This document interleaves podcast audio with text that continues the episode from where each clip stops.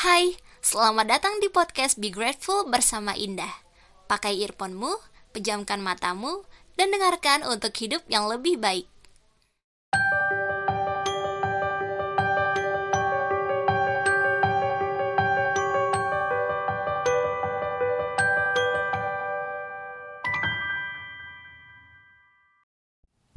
Self-love mencintai diri sendiri.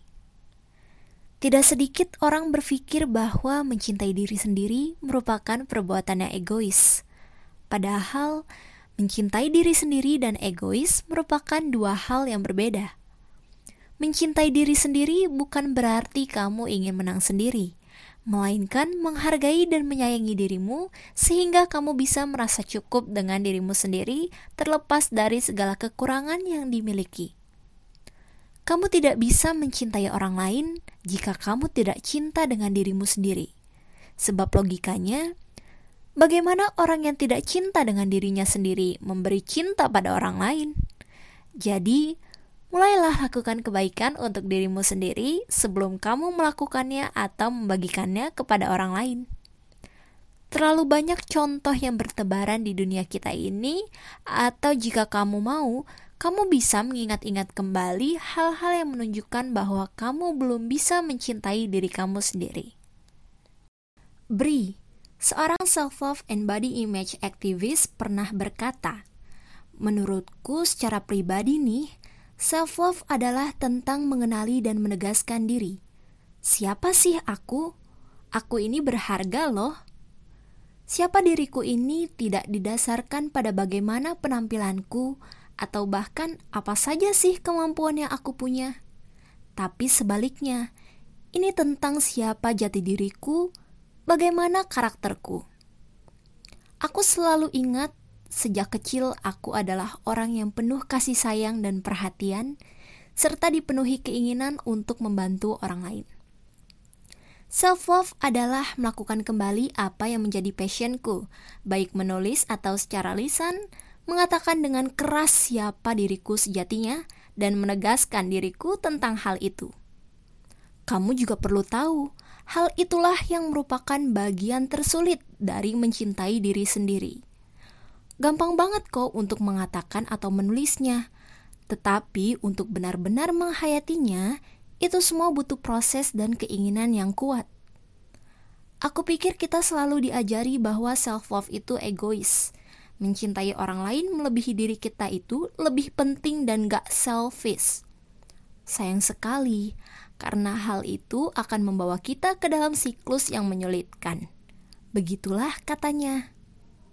Jadi, bagaimana caranya agar kamu bisa mencintai dirimu sendiri? Pondasi yang harus tertanam dalam benakmu adalah menjadi diri sendiri jauh lebih penting ketimbang menjadi sempurna.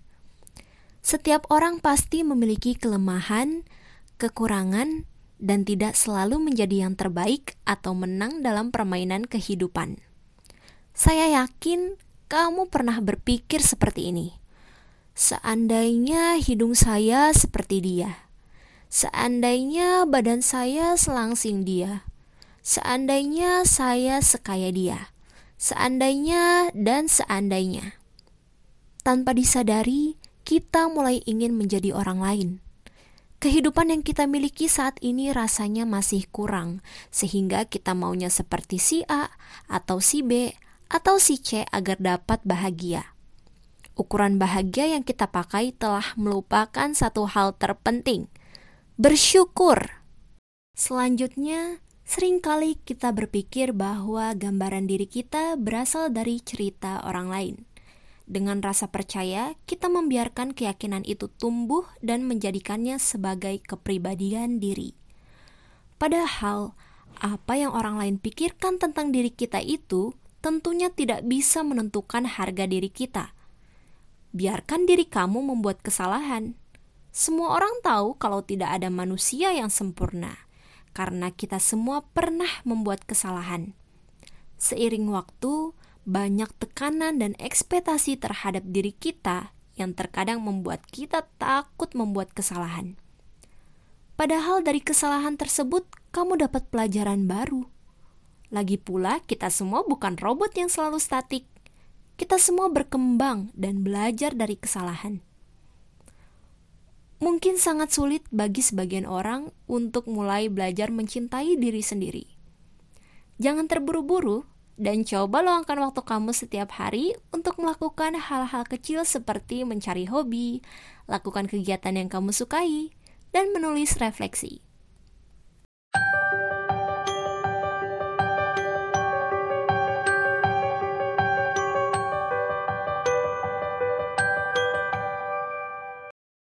Terima kasih telah mendengarkan podcast Be Grateful spesial episode Love Yourself bersama Indah. Sampai jumpa di episode selanjutnya.